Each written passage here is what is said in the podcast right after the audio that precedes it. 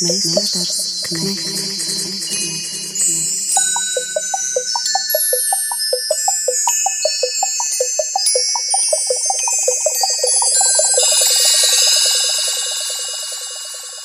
Meistars Knechts. Esiet sveicināti Latvijas radio trīs klasika ēterā raidījums Meistars Knekts un pie mikrofona ir Māra Rozenberga un Orests Silabriedis. Sveicināti! Mēs tiekamies laikā, kad aprit jau vesels gads kopš Krievijas pilna mēroga iebrukuma Ukrainā, un šī robežšķirtne Eiropas jaunāko laiku vēsturē ir būtiski ietekmējusi arī to, kā domājam un kā rīkojamies mēs šeit Latvijā. Jā, karš Ukrainā ir mums līdz pieredzēt gan bailes un neziņu, gan arī lielas saliedētības mirkļus, gan īpaši skaudri izgaismojis to, cik dažādās informācijas un vēsturiskās atmiņas telpās mēs dzīvojam.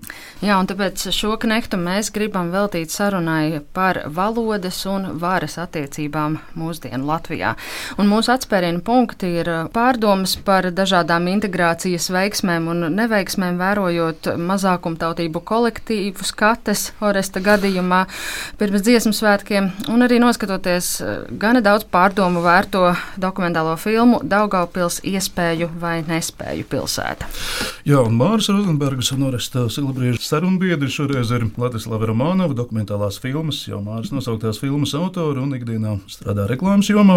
Liāna Langa, dzēniece un publiciste, kampaņas Atkrievisko Latviju iniciatore. Alīna Lastovska, žurnāliste no Delfiem. Un Mārcis Zanders, publicists, un mēs esam gatavi sākt. Mēs arī apzināmies, ka šis gads kopš kara sākuma ir ļoti audzējis spriedzi un viedokļu polarizāciju sabiedrībā, un arī šodienas sarunā mūsu viedokļi noteikti atšķirsies, bet uh, raudzīsim tomēr neizkāpt no diplomātijas rāmjiem un uzklausīt viens otru arī tad, ja nepiekrītam. Jā, un um, sākuma punktam īstenībā Māra tas ir tavs veikums. Tādēļ tu arī tūlīt teiksi, kāpēc Mārija mēs no tavas slējas, par ko cepsimies šogad, esam izvēlējušies jā, atspērienu. Mm, man, Mārija, ar tevi ir sajūta, ka tu tā kā tāds vērotājs no malas ik pa laikam tā ļoti trāpīgi pieliec to termometru dažādām tādām sabiedrības uh, temperatūrām dažādās jomās, un uh, man likās ļoti trāpīgs uh, tavs ieraksts, par ko cepsimies šogad portālā Satorī, kur tu raksti, un es citēšu. Vai tad šī teksta autors nepiekrīt tam, ka norobežošanās no totalitārisma un impēriskuma ir nepieciešama? Piekrītu, piekrītu. Tiesa es īsti nesaprotu, kas virknē šodienas dedzīgāko Latvijas atkrieviskotāju to traucēja darīt pirms diviem, trim vai pieciem gadiem, kad Latviju nācijas labākie dēli un meitas bez iebildumiem pieņēma savām radošajām izpausmēm visnotaļ krieviskas izcelsmes naudiņu.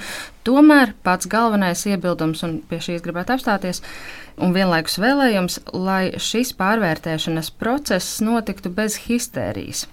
Tad nu, es māri gribu tev sākumā jautāt, kā tu raugoties uz šobrīd notiekošo, redzi, vai ir mēs kā sabiedrība jau esam kļuvuši histēriski, tavuprāt?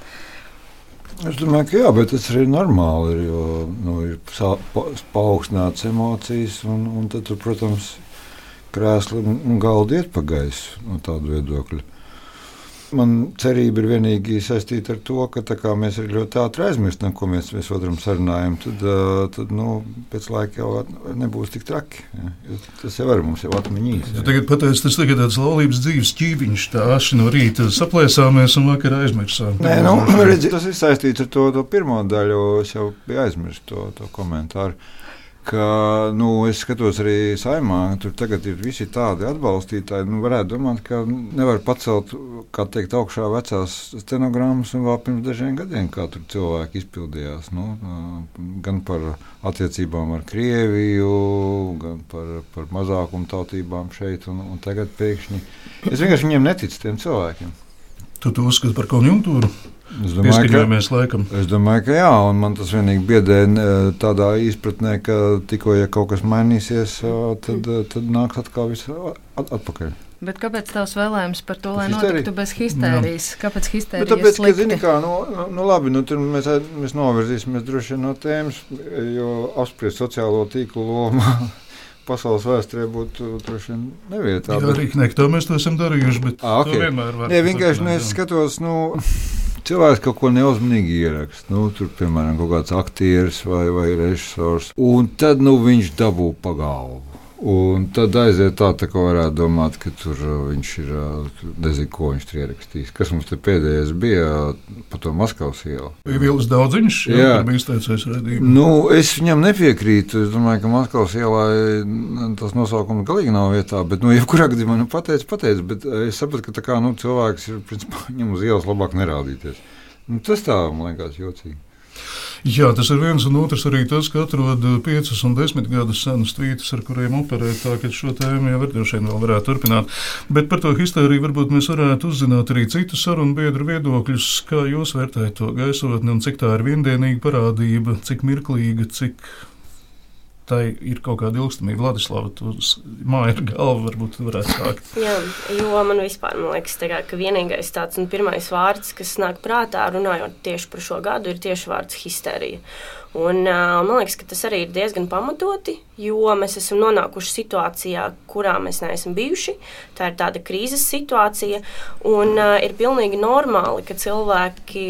Um, Ne tikai katrs šobrīd ir savā frontē, bet ka cilvēkiem notiek ļoti svarīgas pārdomas, kuru pārdomu laikā uh, ir pilnīgi normāli, man liekas, kļūdīties, ir pilnīgi normāli arī pārteikties, bet uh, ir svarīgi šobrīd arī atzīt savas kļūdas un saprast arī, kāpēc tu esi kļūdījies, un visiem pārējiem arī saprast, kāds bija pamats un kāds bija pamatojums tam kļūdām. Vai tas notiek tavuprāt? Kā ar kuru? Bet uh, tas, kas uh, man patīk Latvijas kontekstā vispār, kas notika šogad, man liekas, ka Latvijā tiek ieviesta cancel culture. Tas ir tas, kas ir ļoti aktuāls Amerikā. Un, mēs tā um, latviskojam laikam kā par Atcelšanas, jā. Atcelšanas, jā. Nekas tur labs. Um, Tagad, tagad tu teikt, un Tas, tad ka man šis pats jautājums. tieši kā tas man ienāca prātā, tieši runājot par to īso atmiņu. Un man liekas, ka tā atmiņa šobrīd palika bišķiņa garāka. Un līdz ar to no tiem cilvēkiem, kas iet publiskajā vidē, kas izsakās it īpaši šobrīd par politiku, par to, kas notiek pasaulē. Kaimiņu valstīs uz viņiem arī ir lielāka atbildība. Līdz ar to man liekas, ir svarīgi, ka mums arī tiek attīstīta tā kultūra, ka tev jāpiedomā pie tā, cik liela ir tava histērija un cik, cik ļoti liels pamatojums ir apakšā tai histērijai. Jā, noteikti tas ir pārmaiņu posms, un, un tā histērija ir līdzīga. Es nezinu, tā kā nāve, tur ir vairāk, vairākas stadijas. Un tad tā pirmā stadija, protams, protams, ir tā histērija, ir tās bēdas un vispārējais, un tad notiek pieņemšana, un, un tad notiek kaut kāds uh, problēmu risinājums. Un man liekas, ka mēs vēl esam kaut kādā riktīgi, riktīgi sākuma posmā, tajā histēriskajā. Alīna, kā tev liekas, tu ikdienā vadi diskusijas? Es eh, vadu diskusijas, bet es ļoti maz esmu Twitterī. Līdz ar to man tās histērijas eh, noskaņojums daudz mazāk laikam skar. Jo man liekas, tur tieši ļoti asas diskusijas, savstarpēji apvainojumi. Tomēr ētrā cilvēki vienmēr ir pieklājīgāki viens pret otru, ja viņi redz viens otru. Mēs zinām arī. Tas tonis uzreiz daudz maigāks, bet es gribētu pieskarties tam, ko teica Māris un uh, Vladislavs par uh, kļūdām, kļūdu atzīšanu, viedokļu maiņu. Man liekas, ka 24. februāris tiešām ļoti daudz ko mainīja, un es ticu cilvēkiem, kuri tiešām maina savu retoriku un maina savas domas. Es nevaru apgalvot, es, man ļoti nepatīk vispār. Ne. Es negribu teikt, ka pilnīgi visiem es ticu, bet nu, ļoti lielai daļai es domāju, ka tas bija to, tiešām robežu šķirtne, lai mainītu savus uzskatus. Tas man ir pretjautājums, ar ko Krīmas okupācija atšķirās no 24. februāra. Un līdz tad vairāku gadu garumā nebija nekādas vainas, un tad pēkšņi atvērās acis. Tas ir kaut kāda dīvaina tie redzes orgāni. Nu, Jā, Mārķis, bet es arī varu pilnīgi atklāti pateikt, es noteikti 14. gadu neuztvēru tā kā pagājušo. Arī mana kļūda, vēru pelnus, bet tā ir. Nu, neapjēdz. Vienkārši neapjēdz. Es, es gribēju komentēt, ka, manuprāt, tā, tā reakcija nav tikai mums šeit pie, galda tāda nesaprotama, ka mēs tieši pagājušo gadu uztveram par kā tādu robežu šķirtni, bet uh, mēs redzam visā pasaulē šādu reakciju. Tomēr pilna mēroga iebrukums no visām pusēm. bet tas neko tikai par mums pašiem labu neveicina. Jūs atvainojaties, ja Grūzija atņem 20% no teritorijas 8. gadā, nu tas arī nav nekād, nekas nav joks, jo vienkārši Grūzija redz tālu. Jā, bet es domāju, ka pagājušā gada mācību stunda ir vienkārši izrādījusies spēcīgāka, un turpmāk mēs reaģēsim citādi arī uz tiem notikumiem, kas iepriekš mums ir likušies mazāk svarīgi. Tas ir tas, ko Alīna teica. Alīna vienkārši vairāk tic cilvēkam labajai iedabai nekā Māris, un ka cilvēks spēj mainīties. Cita lieta, man liekas, Mārcis, tev saklausīja skepsi, ka politikas var pārāk ātri mainīties. Nu, es atļaušos to apgalvot, jā. jo arī šodien, respektīvi 23. februārī, saimnes plenāra sēdē. Jā, ieraksts notiek 23. februārī. Krauzes kungs tā no zaļiem zemniekiem nodeva tādus uguņus, ka es sapratu, ka viņš tā teikt, ir tūlītās gatavs braukt uz Bahmutu karot, tikai kaut kā tas nesaskan ar to, ko zaļie zemnieki uzturējuši ilgstoši. Nu, jā, bet, nu, lai nepaliek saimnes, mēs līdz šim neesam devuši iespēju izteikties arī Lijānai. Lijāna, tu arī esi lielā mērā gaisotnes veidotāja. Jā, nu, es atļaušos tādu nedaudz smieklīgu dzēlību savā dzimšanas dienā, ka šobrīd par histēriju runā divi brīnišķīgi cilvēki, kuri man ir nobloķējuši Twitterī faktiski bez iemesla - Vladislava un Māris Zanders. Otrakārt, es nevēlētos. Tieši tāpēc arī nobloķēt. Jā, es nevēlētos psiholoģizēt to pārmaiņu procesu, faktiski lielā mērā piezemēt un saukt, saukt to par ah, histēriju. Okay. Es domāju, ka tā transformācijas parādība, kas šobrīd notiek sabiedrībā, ir kaut kas nu, daudz nopietnāk vērtējams nekā kaut kāda vienkārši histērija, ko parasti piedēvē sievietēm.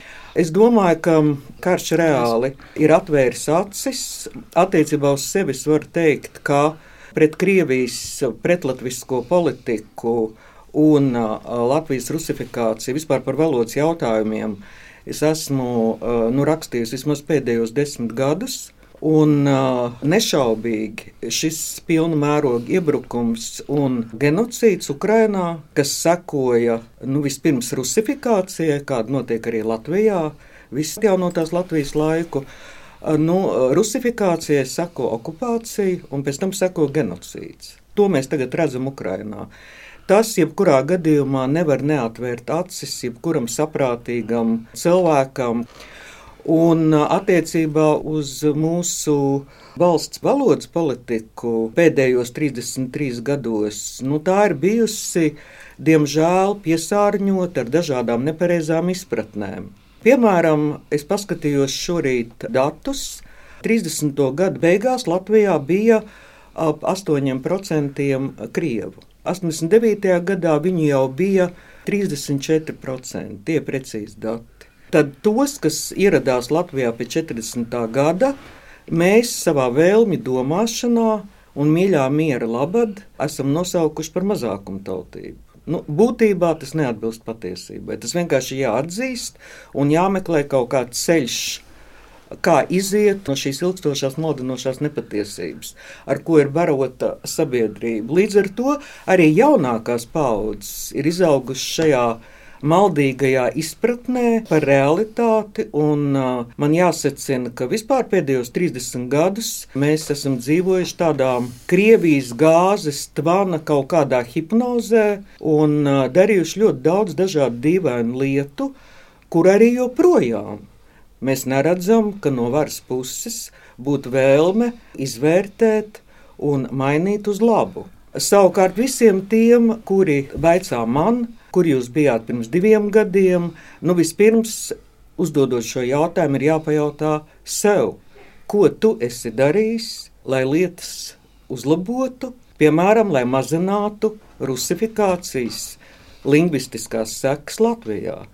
Un tad, kad cilvēks atbildēs uz šo jautājumu pats sev, tikai tad viņam ir morāls tiesības šo jautājumu uzdot citiem. Ja mēs runājam par eh, jaunākajām paudzēm, kas uzaugušas Latvijā, man šeit blakus sēž Vladislava Romanova.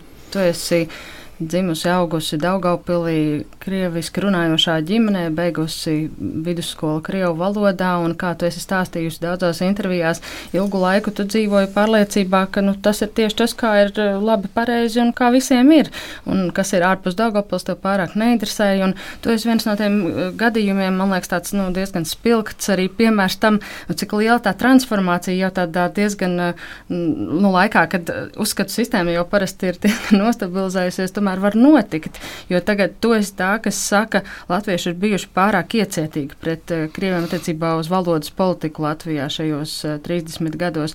Tu uzņēmi filmu par savu dzimto pilsētu un intervēji gan cilvēkus, kas ir uh, līdzīgās domās tev šobrīd, gan arī tos, kuri domā tā, kā tu domāji, varbūt vēl, vēl skolas laikā.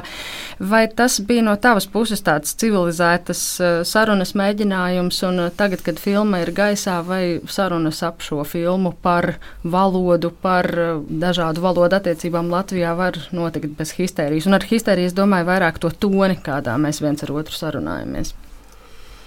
Man liekas, ka ir svarīgi šobrīd runāt augstajos toņos. Atkal tas ir jautājums par argumentiem par to, kas ir apakšā tiem augstiem toņiem. Un, jo vairāk teiksim, cilvēki, kas atbalsta šajā situācijā Krieviju, jo vairāk un skaļāk viņi runās, jo skaidrāk mēs redzēsim, cik aprobežoti viņi ir un, un, un, un kurā brīdī kaut kādas lietas nogāja greizi, kurā brīdī, kuru propagandas kanālu viņi skatījās, kurā brīdī kuru informāciju viņi patērēja. Un, jo vairāk un jo skaļāk, negribās te izmantot to vārdu histēriski, bet dedzīgāk runās tie, kas atbalsta Ukrainu, tīpaši arī krievalodīgie. Es teiktu, pat ir tīpaši krievalodīgie. Jo vairāk arī latvieši redzēs, ka tās nav divas dažādas frontes ka tomēr mēs esam par vienām un tām pašām vērtībām, mēs esam vienā pusē. Līdz ar to ir svarīgi runāt skaļi, ir svarīgi ne histēriski, bet ļoti kā, dedzīgi un skaidri definēt savas domas. Un papildinot arī um, par to filmu, tas mērķis nebija veidot sarunu. Tas ir arī uz ko es aicinu jebkuru. Kā, man liekas, ka ir ļoti muļķīgi šobrīd domāt, ka mēs tulīt varēsim pārmācīt kaut kādu sabiedrības daļu un kaut ko pierādīt. Man liekas, ka katram jāmeklē atbildes pašam sev. Tas ir tas briesmīgais un besīgākais jautājums, ko uzdot propagandas telpā, kur jūs bijāt tos astoņus gadus jautājums, un patiesībā ļoti labs jautājums. Ko es arī sev uzdodu, ko es esmu darījusi, kas ir noticis pa visiem šiem gadiem un kas ir mainījies manā galvā. Un, tā saruna jāveido nevis ar apkārtējiem, man liekas, pašā sākumā, bet katram pašam ar sevi. Sarunu ar pārējiem, lai veicinātu sarunu sevi iekšā. Mm.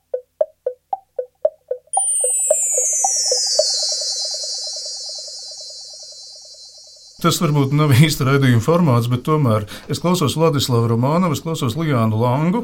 Man, protams, nav ilūzija, ka jūs pēc raidījuma ieraksta beigām iziesiet no studijas apkampušās kā cits draugs. Bet sakiet, kur tad jūsu pozīcijās ir tā principiālā atšķirība, kas jums neļauj runāt vienā tonalitātē? Droši vien uh, attieksmes jautājums, un uh, es jau arī vakardien, ja mēs runājam arī par tiem pašiem sociālajiem tīkliem, es jau teicu, kā, ka mm, mērķis jau, jau labs, izpilde tāda nepārāk. Un uh, ir ļoti svarīgi kā tu runā, ir ļoti svarīgi, kā tu pasniedz. Un tas, kas man ir svarīgi, tas, ko es priekš sevis nodefinēju šogad, 22. gadā, man ir ļoti svarīgi meklēt savējos, neatkarībā no tautības. Man ir svarīgi uh, meklēt līdzīgi domājošus cilvēkus un cilvēkus, kas, teiksim, tā ir vienā frontē ar mani. Tajā brīdī, kad kāds uh, sāk kaunināt uh, cilvēkus, kuri būtībā ar tevi ir vienā tajā informācijas kara frontē, uh, tad man liekas, tas nav labi un tas nenovedīs līdz, līdz normālam līdz rezultātam. Tad neveidojās saruna. Tas ir vienkārši tāds nepārtraukts monologs. Un, Nav mans formāts. Tā droši vien ir tā atbilde. Kaut arī tu teici, ka sarunas augstos toņos šais laikos ir pieņemamas. Jā, jā. Bet jā. Tad, kur ir nošķīrums starp augsto toni un argumentācijā? Droši vien arī tajā, vai jūs esat vienā frontes pusē. Protams, vai, vai šajā gadījumā jūs ar Lijānu pieļaujat esat? Jā, bet es teicu, tā tās metodas bija šķiras. Jā, jā, Lijana. jā, es ļoti atvainojos. Kampaņa runā latviešu, uh, atkrievisko Latviju notiek sociālos tīklos, Facebookā un uh, Twitterī. Un tad uh, es nesaprotu, kādā veidā Vladislav jūs vērtējat šo kampaņu, jūs esat man bloķējusi. Pirms es jūs bloķēju, jūs man nebijat bloķēta. Es noskatījos Vladislavas filmu. Tā ir tiešām ļoti vajadzīga mūsu sabiedrībai. Atgādināšu arī sabiedrībai, ka visi līdzinējie mēģinājumi latviskot Latviju, runāt ļoti miermīlīgā, draudzīgā tonī, aicinot citautiešus runāt latviešu, ieguldot daudz, daudz miljonus sabiedrības integrācijā, beidzās ar fiasko. Karš, karš piešķīla šai kampaņai cita veida, nu, daudz spēcīgāku retoriku, kura izrādījās iedarbīga. Jūsuprāt, tas agresīvais tonis strādā labāk? Es vispār neuzskatu, ka tas ir agresīvs tonis. Nu, kas ir agresīvs tonis? Pateikt, runājiet Latvijā latviešu, tas jums mārķis šķiet agresīvi. Mēs runājam par to, kā Vladislavs izjūt jūsu komunikāciju. Jo, Nu, es nevaru teica, atbildēt jūs- par to, kā citi ko un kā izlasa, un par viņu sajūtām. Piedodiet. Bet, man liekas, Es aicinu cilvēkus Latvijā runāt latviešu, jo divvalodība ir šķeļoša. Kampaņa ir uzrunājusi ļoti tiešā veidā, aicinot ministrijas, institūcijas, uzņēmumus izņemt Krievijas valsts valodu no savām tīmekļa vietnēm. Un desmitiem un desmitiem man ir milzīgs saraksts, to ir arī izdarījuši. Tātad šai kampaņai ir bijis ļoti spēcīgs efekts. Un tāpēc mēs jūs arī esam uzaicinājuši valsts šodien. pārvalde, paldies, jā, valsts pārvalde ir pilnībā atkrieviskota, un uh, lielos tempos atkrieviskojas arī uh, privātu uzņēmumi. Uh, dažādas institūcijas. Pēdējais gadījums ir aizvakar Krievu valodu, varbūt lielā mērā arī pateicoties Vladislavas filmai, ir izņēmusi Daugavpils. Krievu valodu no uh, savas tīmekļa vietnes ir dzēsus pirms dažām dienām Rīgas pirmā slimnīca.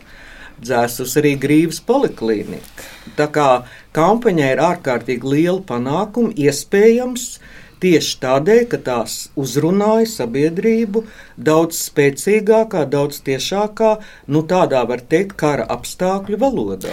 Man ir pārdoms eh, par um, interviju ar uh, Aleksiju Aristoviču, ko- kas nesen bija dzirdama mums uh, Latvijas radio redzījumā Krustpunktā, kur viņš uh, teica par Ukrainas situāciju. Mm, Mums puse fronts runā Krievu valodā. Man patīk, ka mēs visiem dodam brīvību. Ukrainā dzīvo 56 tautības. Ja mēs ar varu sākam šo pašidentifikāciju mainīt, tas būs grūts un bezperspektīvs process. Mūsu uzdevums ir apvienot visus, kas šodien cīnās par Ukrainas brīvību. Un tāpēc klāja šovinistiskas pozīcijas mm -hmm. strādā tikai šķelšanas virzienā. Proti, mans pārdoms ir par to, vai tas tonis kādā veidā notiek saruna ar tiem, kuri ir vēl jādabū savā pusē, lai mēs veidotu šo mūsu kopīgo mērķu saliedētu sabiedrību, reizēm nenostrādā pretējā virzienā un neatgrūž tos, kuri vēl ir kaut kur pa vidu, bet kurus varētu it kā dabūt savā pusē. Un kampaņa nedomā par tādām lietām. Pirmkārt, kampaņa pilnīgi noteikti nepiekrīt Restovičam. Kā zināms, Ukrainā pēc 2014. gada ir notikusi ļoti spēcīga ukrainizācija. Arestovičs vienmēr iestājas par Krievu valodas līdzvērtīgo lomu Ukrainā. Diemžēl tas nav iespējams. Ukraiņi nevar, tāpat kā latvieši, nevar konkurēt savā teritorijā ar apmēram 250 miljonu nācijas valodu pasaulē. Valodē nav robežu, un mēs savā teritorijā, un arī Ukraiņi savā teritorijā, nevar konkurēt ar, jāsaka, tā visai agresīvo krievu valodu. Ukraiņa ir rusificēta vairāk nekā 400 gadus. Latvija no 19. gadsimta beigām ir rusificēta nu, apmēram 100 gadus. Tātad tās sekas novērst ir ļoti sarežģīts process, un kā mēs jau esam pieredzējuši Latvijā, pēdējos 30 gados integrācija un miermīlīga saruna, nu, diemžēl, ne pie kā nenoveda. Tā noveda pie tā, ka Latvijā ir divvalodība de facto. Latvijā krievu valoda tiek uzspiesta latviešiem, to starp arī sabiedriskajos medijos. Mēs vakar dzirdējām, ka Rešētins aktieris tika diskriminēts Latvijas radio 4, ā, jo viņš nevēlējās sniegt interviju krieviski. Ar kādām tiesībām latviešiem Latvijā kāds pieprasa sarunu krievu valodā? Nu, iedziļinieties šajā jautājumā. Labi, ja jau mēs esam līdz šim punktam nonākuši, man īstenībā gribējās Alīnas un Māra vērojumu, bet pie tā mēs vēl atgriezīsimies. Mm -hmm. Paskaidrojiet, skaidri un gaiši, tagad lūdzu klātesošie, vai jūs uzskatāt, ka Latvijas radio 4 ir domāts tam, lai raidītu krieviski, vai tāds kanāls ir vajadzīgs Latvijā? Es arī, kad es uz Latvijas radio 4, es runāju krieviski, un es to neuzskatu par uh, kaut kādu robežu pārkāpšanu. Tā atbilde ir ļoti vienkārša. Mēs runājam par propagandu, propagandas ietekmi uh, ļoti graujošu uz sabiedrību, un mēs gribam šo sabiedrības daļu uzrunāt, es neredzu problēmu. Tajā, ka mēs sniedzam korektu, precīzu, profesionālu informāciju arī krieviski, es neredzu tajā problēmu vispār nekādu. Māri. Nu, ra- radio četri gadījumā es neredzu problēmu. Jo, teiksim, ir citas radiostacijas, kas krieviski strādā, bet tur es esmu atsacījies iet tā iemesla dēļ, ka es nekad nezinu, kur tas teksts pēc tam parādīsies. Un, nu, ir bijuši nepatīkami pārsteigumi, ka tas vēlāk parādās kaut kur krievu valodā, portālos. Bet mm, četrnieku gadījumā man, man neviens ā, neliedz, ja es negribu, es neeju. Nu, jā, bet, kā, bet kā jūs neredzat problēmu, ka simtiem tūkstoši piemēram, latviešu jaunieši nezina krievu valodu? Viņi nevar piedalīties šajos krievu medijos. Jā, bet viņi nav prie šī kanāla auditorija. Katram kanālam ir sava auditorija. Tā tad mums ir jāuzsvervē auditorijai, runājot viņu valodā, Latvijā pēc simt gadu rusificēšanas. Kā ir? Jā, tas, tas ir Alīnas uzdotais jautājums. Jā. Vai mēs gribam aizsniegt tos, kuri neizbēgami Nē, ir patērēs informāciju? Vai mēs, veidojam, vai mēs gribam veidot dialogu ar auditoriju, kur vēlās saņemt informāciju krieviski, vai mēs sakam, nē, ejiet sākumā. Kļūstiet tādi, kas lasa, patērē tikai latviešu, un tad mēs ar jums runāsim. Man liekas, ka tas ir šāds jautājums. Mm. Un acīm redzot, šeit mums uh, viedokļi atšķirās. Nu, jā, mans, Bet mans, jūs neatbildējāt, kādā valodā jūsu medijā runās latviešu jaunietis, kurš nezina krievu valodu. Viņam iztulkos to, ko Vai viņš tie- saka. jā, būs tieši tā, krievu medijiem ir jātulko, jātulko latvieši krievu valodā. Nevis jāspiež latvieši sarunāties Krievijas valsts valodā šajos medijos. Nu, piemēram, par to pašu Latvijas Rādio 4 bija piemēri, piemēram, Dziestuvišķī līca, kur ir ministri, kas nerunā mm. krieviski, un viņi tur gāja un atbildēja uz jautājumiem latviski, un viņiem neviens nespieda. Nē, par to nav. Jā, bet jā, bet par tiem, kas zina krievu valodu, bet atsakās runāt krieviski, te ir no Lienas puses par tiem. Jā, un, un es jau jā, es atzinos, ka es labprāt šajā kanālā runāju krieviski. Es pieņemu, ka varēja būt situācija, kurā žurnālists zina, ka Šetins labi runā krieviski un tādēļ tīri savas un klausītāju ērtības labad, lai nebūtu jāliek virsū servelisms, tulkojums. servelisms notiek Krievu ērtību labad. Tieši tā. Un brīdī, kad Rešētins sākoties karam, nu, kad viņš ir apzinājies, ko nozīmē šī valoda, kurā Latvija ir rusificēta simts gadus, brīdī, kad viņš atsakās sniegt interviju krieviski, viņš tiek diskriminēts, viņš netiek intervēts. Padomājiet par to, ko tas vispār nozīmē.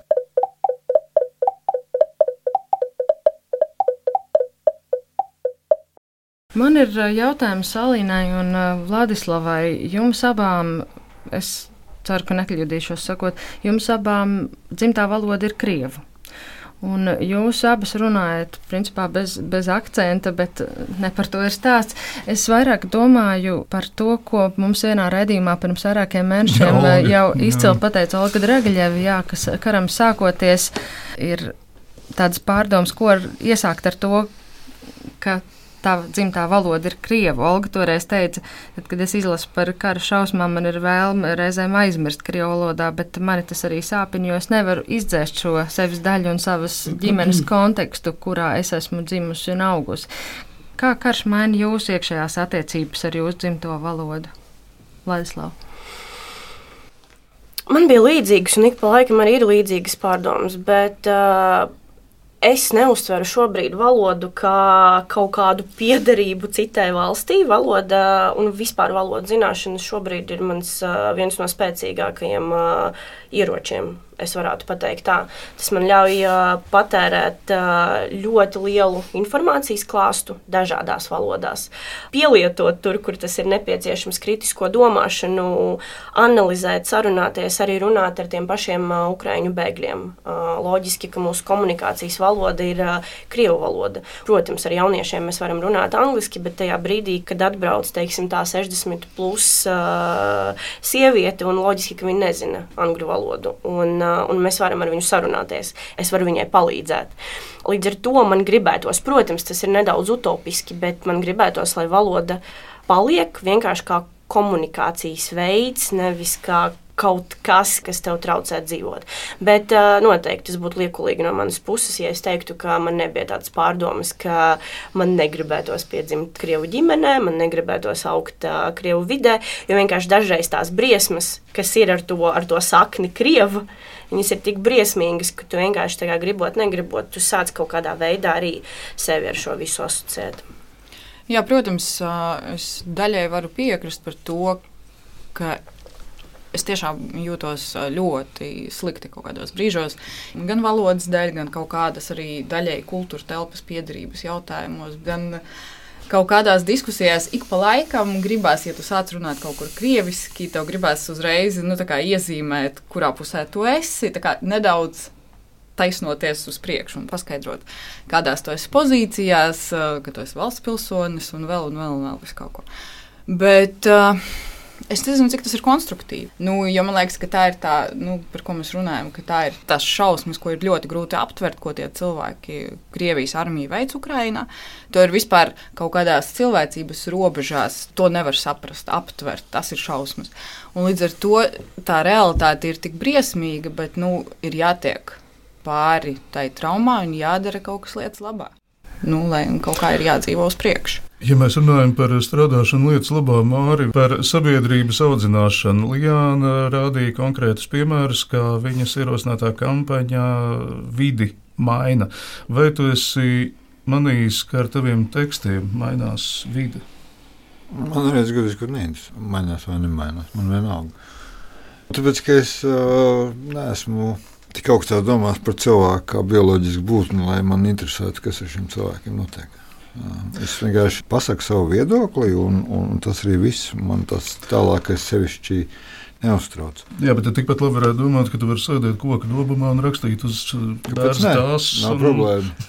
Nē, pilnīgi nav problēma. Bet... Bet tāda viedokļa, tas, kas notiek dabas zinātnē, ir krietni būtiski. Labi, tu teici, ka tev nav ilūzija par cilvēka Jā. dabu, bet vai tomēr ir iespēja, ka retorika var mainīt kaut ko mūsu apkārtnē?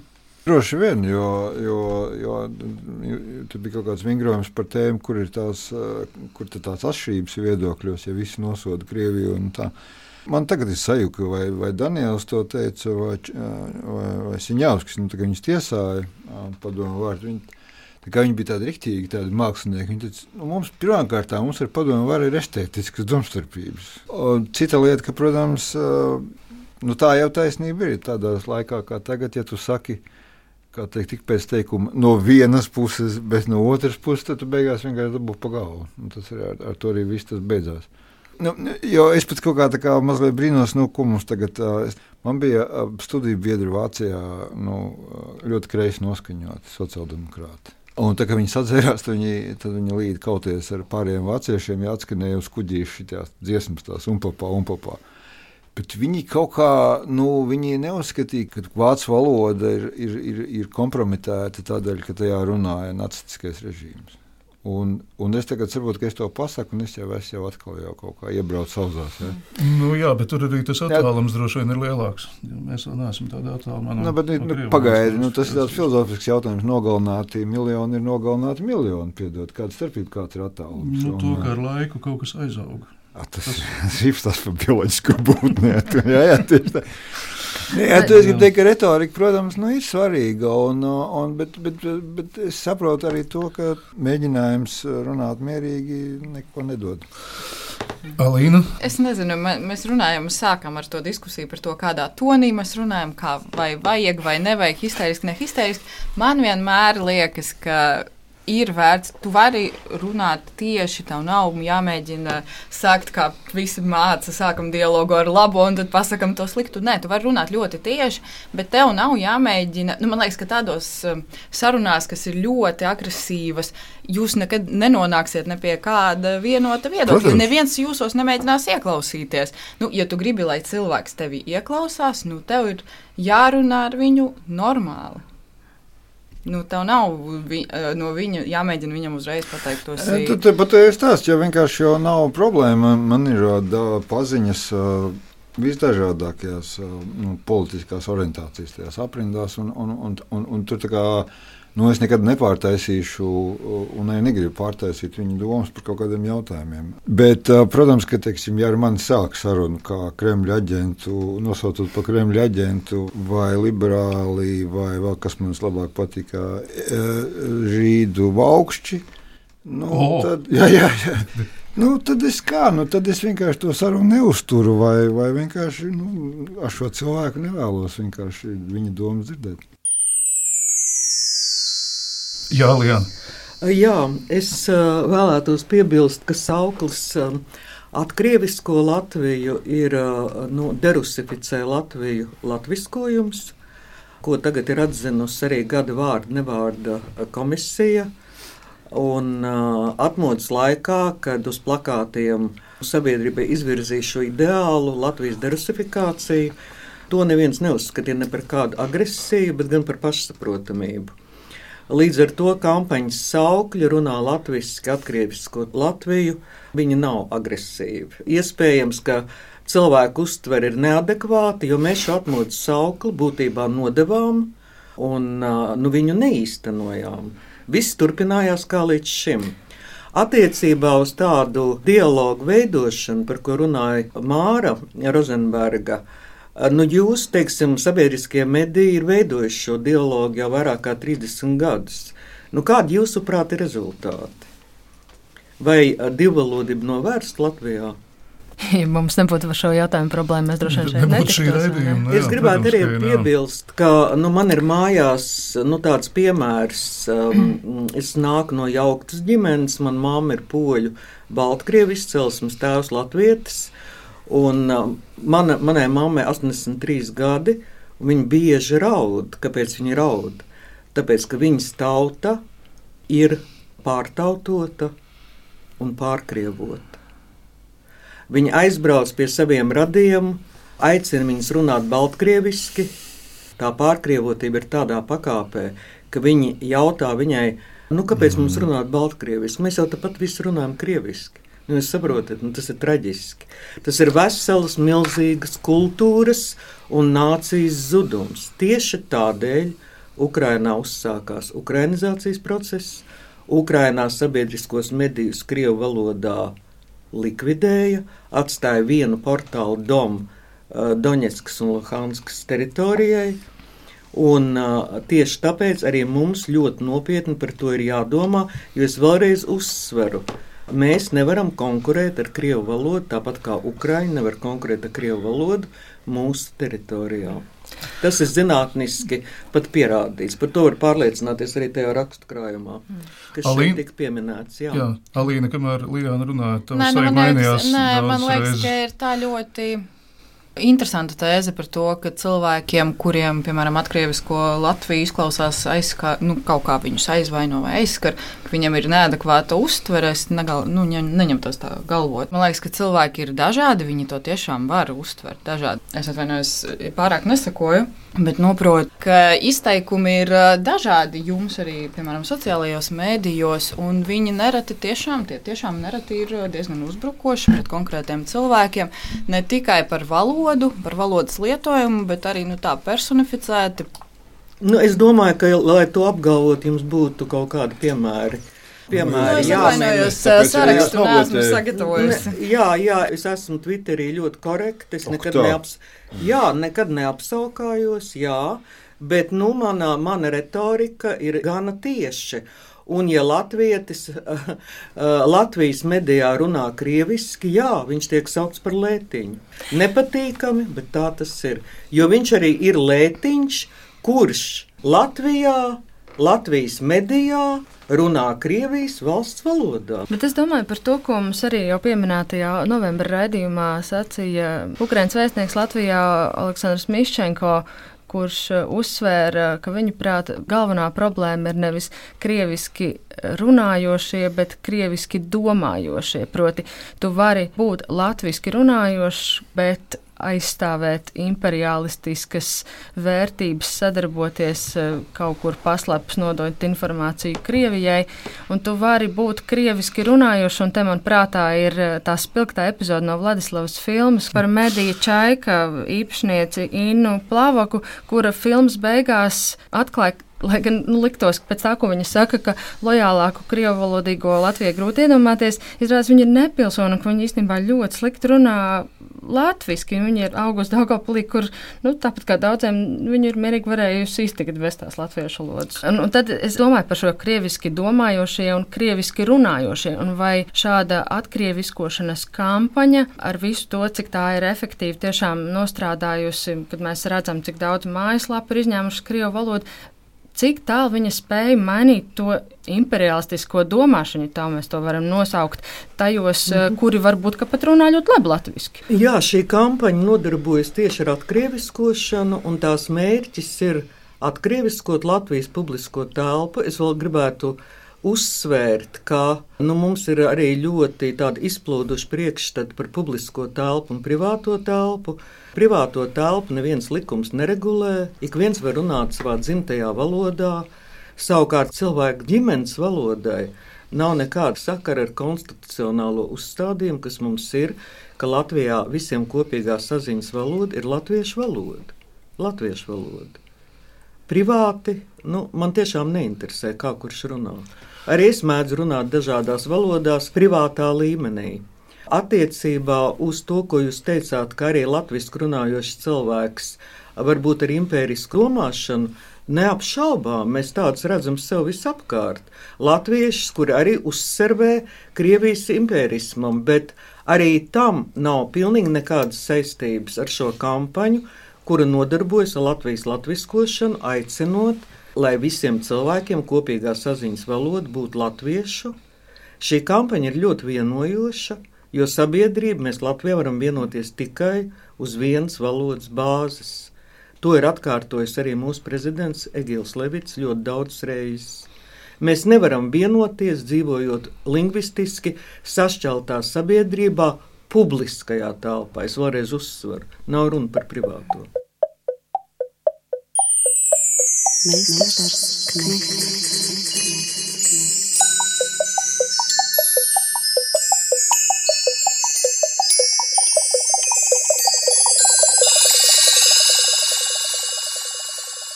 Meistars Knehts. Raidījumā Mēsters Knekts, Māris Rozenbergs, Noris Silbrieža viesi ir Vladislava Romanova, Alīna Lestovska, Lijāna Langa un Māris Zanders. E, klausoties e, iepriekš runāto, man visu laiku galvā ir aina, ko es piedzīvoju Latgalē pirms mēneša, un man nav ne atbildes, ne skaidrojuma, bet varbūt Vladislavai, Alīna vai vienalga, kurš no klātesošiem varētu teikt. Es devos līdzi mm, žūrijai, kas vērtēja mazākumu tautību ansambļu sniegumu, lai viņi kvalificētos vai nekvalificētos eh, dziesmu svētkiem, koncertiem, vairākiem koncertiem dziesmu svētkos, tā kā tas vienmēr ir bijis. Un, protams, ka īpaši interesanti bija skatīties Latvijā. Pirmkārt, to, kā vienā ansamblī blakus bez nekādām redzamām naida vai konflikta pazīmēm stāv Ukrāņi, Krievi, Poļi, Baltkrievi. Ir etniski vienoti ansambļi, ir etniski ļoti dažādi ansambļi.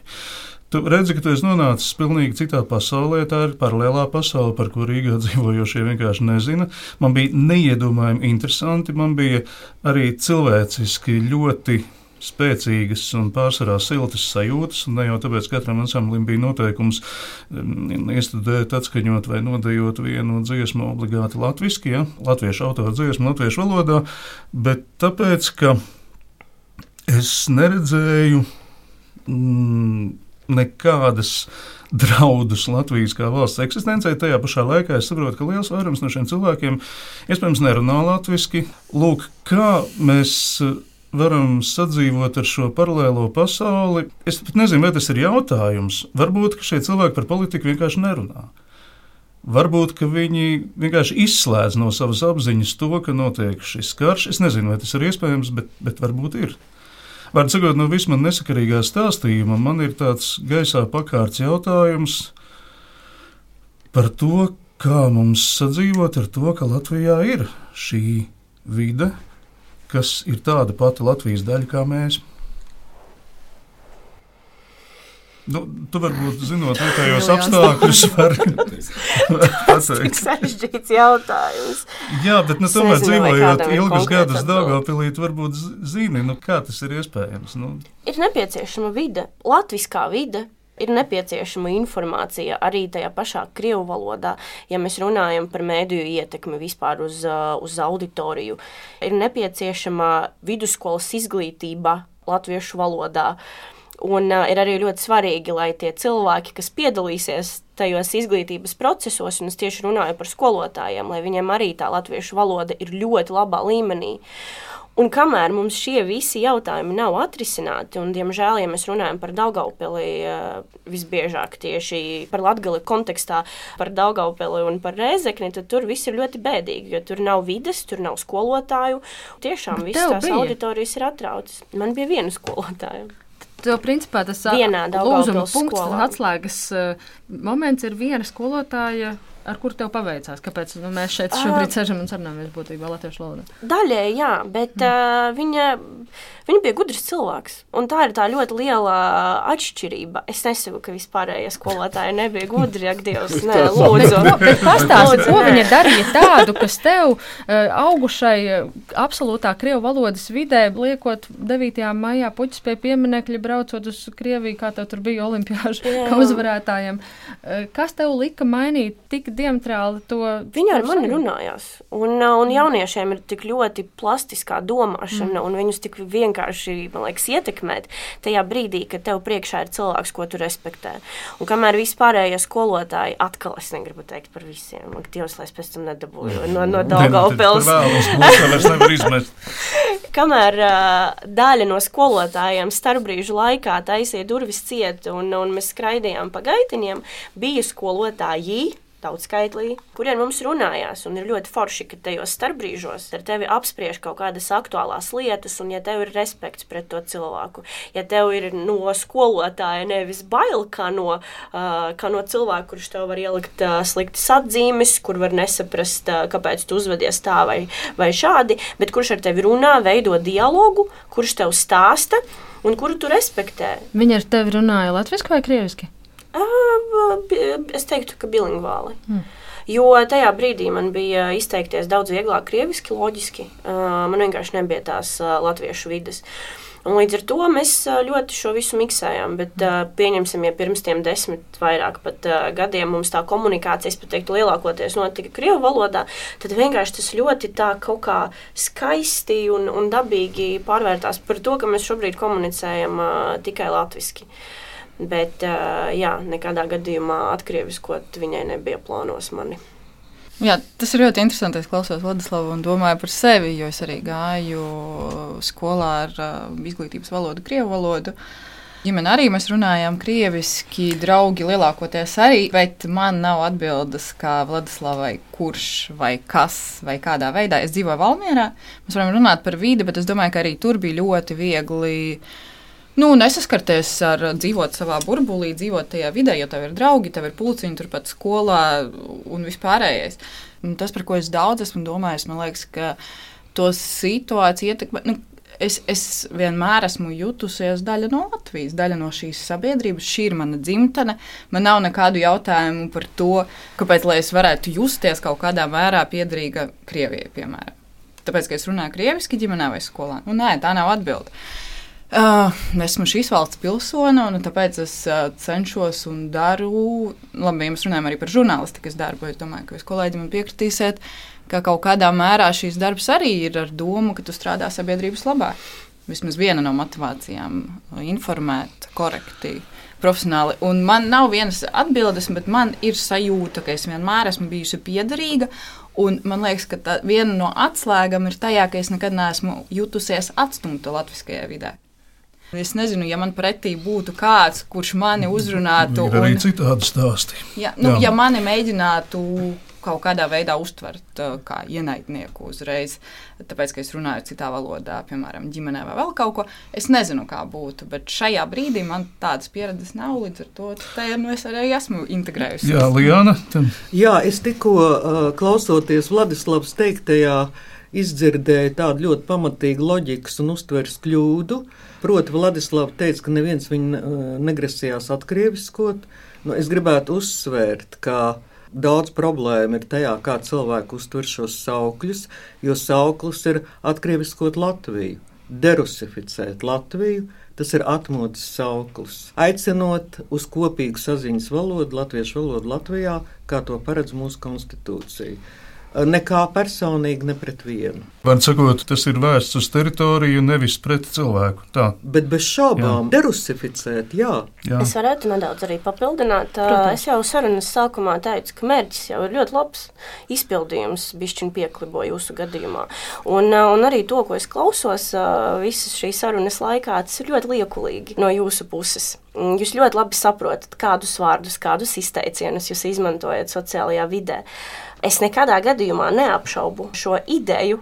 Vēlreiz atkārtošos, man nepatīk, un mani aizvaino gan mani personīgi, gan kad es redzu vispār, cik ļoti tiek pazemoti pilnīgi ne par ko cilvēki, kas to nav pelnījuši.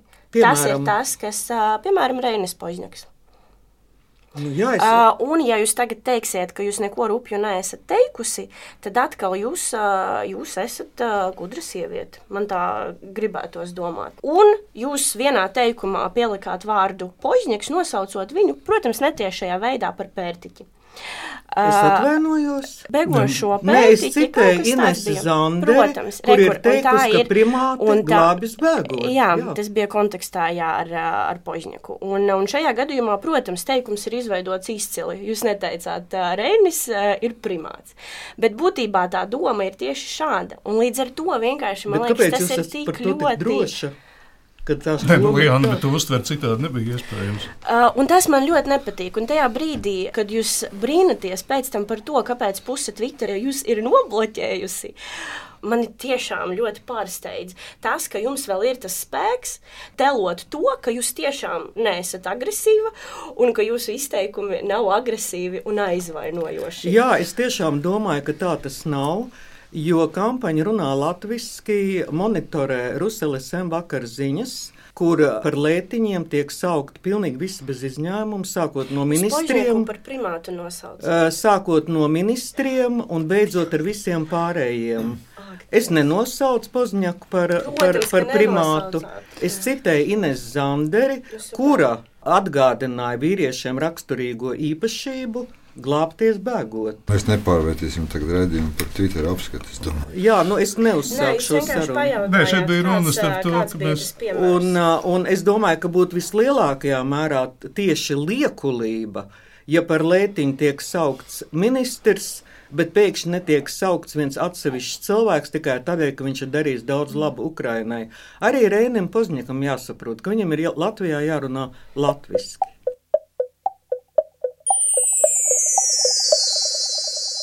Var sakot, kategoriskais vai diplomātiskais. Šis, man vēl neceļās teikt vārdu integrācija, jo patiešām Lijānai taisnība integrācijas ideja laika gaitā ir nu, tā devalvēta un tik nolietota, ka vispār šim vārdam būtu jāatrod kaut kāds aizstājies. Tajā pašā laikā mēs, protams, vēlamies, lai tas notiktu. Mans garais stāsts par mazākumu tautību skatējumu, kurus es tiešām ilgi neaizmirsīšu, bija laikam galvenokārt tāpēc, ka tur es tomēr saskatīju kaut kādu tādu cilvēcības pakāpi, ka dialogs ir iespējams, tikai ceļš vēl nav uziets. Ja mēs šos cilvēkus pilnībā gribam būt par savējiem, varbūt tomēr ir iespējami arī nu, miermīlīgāki, diplomātiskāki ceļi. Ne, nu, tas ir tas, par ko es cenšos arī runāt visu laiku. Jo, nezinu, ar tādu agresiju, bravūru tu nekad nedabūsi savā pusē. Vai nespēsi tiešām pat izveidot to dialogu. Tas ir tas, ko es minēju, tas ir tas, ko mēs tikko redzējām tajā viedokļu sadursmē. Bet tas nevar nākt no augšas, visticamāk, ja, kā mēs to arī redzam. Nu, nevar kultūras ministrijā izveidot posteni, nu, kurš pēkšņi kaut ko integrēs. Nu, bet mums bija tādas tendences. Jā, tā bija, bija liela. Tagad, ja, kā, man, man šķiet, ka jāsamierinās arī ar to, ka nekad jau nebūs kaut kāda tāda vidējā temperatūra, kas apmierinās uh, pat vislabākos nodomus. Jo, kā, es atceros, es, es pirms daudziem gadiem es, es braucu vilcienā no, no, no Zagrebas uz Splitu. Un, uh, un, un karš jau bija beidzies. Jau. Un, un, un tur cilvēki bija jauni, nu, tādi, kas tā nebija karojuši. Un es sajaucu. Es gribēju, kā, es, es sajaucu horvātu rakstnieku ar, ar serbu rakstnieku. Un es domāju, ka man tas slikti beigsies uz to pusi. Un man liekas, bet paklauna, bet jūs tā kā, nu, tā kā, nu, karš beidzies un ko jūs tā un tā, bet, nu, nu Pagadījās tāda kompānija, piemēram, ja? nu, ir atkal bijuši citi gadījumi, tur, kad nu, tur, tur serbi un, un musulmaņi spēja normāli sarunāties. Tas ir dažādi. Nu jā, man nāk prātā Pētera Vaska nosauktais piemērs par Bavārijas orķestri, par Minhenes orķestri, kurā diriģents ir Horvāts un pirmā viola ir serbs. Jo, nekā, nekas kaut kā nebūtu. Nu, tas ir labi. Viņa, nu, labi tas bija par tautu draudzību, jā, bet ne, nu, varbūt, tas, varbūt tas ir vienkārši temperamenta jautājums. Nu, teiksim, Lijāns izvēlētā līnija ir šāda. Man jā, es esmu kontaktā ar ļoti daudziem cilvēkiem. Tiešām man raksts no visas Latvijas, un uh, es esmu kontaktā arī ar latviešu inteliģenci, kuri saka, uh, beidzot, nu, beidzot kaut kas notiek, beidzot ir kaut kādas pārmaiņas, nu, es vārdos nesaukšu, ja, ļoti ievērojami latviešu kultūras pārstāvi. Nu, viņiem atmodas sauklis derusificē Latviju, nu, viņiem nešķiet agresīvs. Ja, viņiem ir pilnīgi cita uztvere, jo viņi saprot, ka ir pēdējais brīdis nu, kaut ko reāli mainīt. Tas, ka kāds tur apbežojas, nu, diemžēl es neesmu psihoterapeits. Bet tas nav ar to saistīts, vai es esmu psihoterapeits vai nē. Tas ir mm. veids, kā jūs izvēlaties runāt ar cilvēkiem. Jā, bet jūs pat neesat minējis nevienu piemēru. Kāds ir? Jums minēja vairākus piemērus, bet mēs, nu, kā jau teica Mārcis, nepārvērtīsim to par Twitter. Jā, tāpēc, ka, nu, tad, man, jā, tad, tad es Twitter pacelšu, kā jūs man nosaucāt. Jā, bet nu, no, pārmetumiem ir jābūt ar kaut ko pamatotiem. Nu, nevis nu, vienkārši nosaukt. Pasaka, pasaka, Nē, nu, kas tagad nu, sāksies? Nu, Viņi ja, mums jau ir raidījuma beigas, mums nekas nevar Nē, es negribu, tāpēc, ka tas ir no. Un, um, man pat smīdina, cik vāja ir humora sajūta Vladislavai, kura vienkārši nu, tādu ironisku mm. vērojumu par to, ka primāti glābis bēgot, uztver kā drāmu. Nu, bet redzēt, šīs bija tāds personīgs nu, tāds pārmetums cilvēkam par viņa konkrētu īpašību. Jūs to nosaucāt vārdā es... cilvēkam, bet tā nevajadzētu darīt šeit, vismaz šajā diskusijā, pāriet uz personībām, stāstīt nu, par cilvēku. Jā, bet es saņēmu uzzīm. ļoti daudz pārmetumu. Un, un es saku, nē, tas ir pietiekami pieklājīgi. Jā. Es drīkstu arī ļoti īsi. Um, tiešām ne par šo situāciju vienkārši tā kā varbūt apkopojot. Mēs esam arī no, no dažādām paudzēm. Un, diemžēl, atkal runājot par cilvēku bioloģiju, jūs šo pasauli pamatīsiet ātrāk nekā, nekā mana paudze, mūsu no. paudze droši vien. Es tā uz nākotni. Un, un vienkārši ceru, tas, ziņā, un, un tas, kas šobrīd notiek, un tas, kādas metodas jūs izmantojat šobrīd, jums vienkārši jāsaprot, ka jūs mūsu paudzi un nākamās paudzes ar šo visu atstāsiet. Un tās visas drupačas, tā visa agresija un, un, un viss tas, ko jūs šobrīd mēģināt uh, sasniegt, vai arī, man liekas, te arī jādomā vispār, vai tas būs noderīgi. Un vai tas ir nepieciešams tai nākamajai paudzei, un vai viņi būs gatavi uz tiem pamatiem, ko jūs liekat tagad, un es saku, ka man liekas, tie nav droši un stabili pamati, vai viņi būs gatavi būvēt Latvijas nākotni? Man liekas, tas ir jautājums. Un man jūsu metodes uh, liekas uh, baigi nemūsdienīgas un, uh, un vispār tā kā uz perspektīvu skatoties. Jā, jūs acīm redzot, nespējat novērtēt šīs kampaņas spēku. Ak, Dievs, atkal par kampaņu. Es teicu, kampaņa nav slikta, ir slikta realizācija. Bet runājot Bet... par nākotnes būvēšanu un idejām, nu, man liekas, ka Ukraiņas karš palīdzēja mums arī redzēt uh, to labo mūsu, mūsu sabiedrībā, cik ļoti mēs spējam būt vienoti.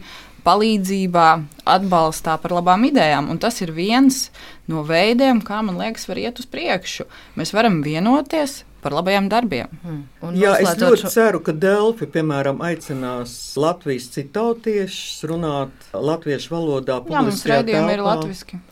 Es zinu, jā, jā bet nu, es tādus aicinājumus attiecībā uz valodas politiku neesmu dzirdējusi. Būtu labi, ja tāda būtu.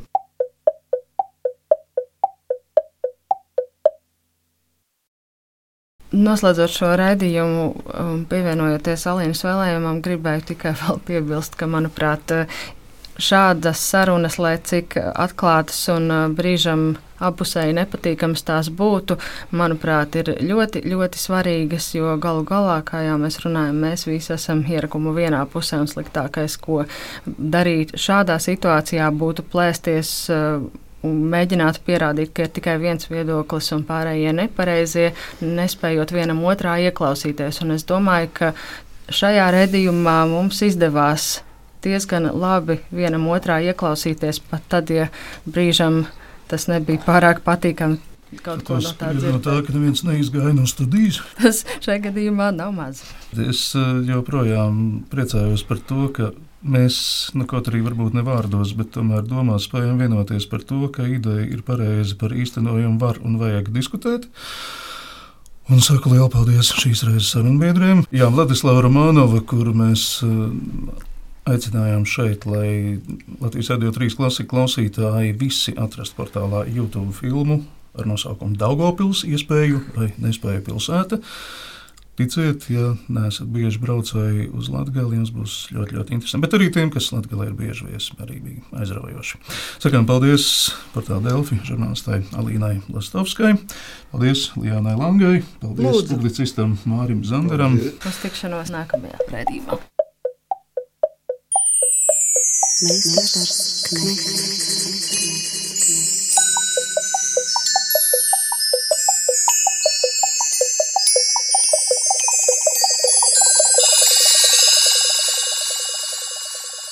Meistars Knechts.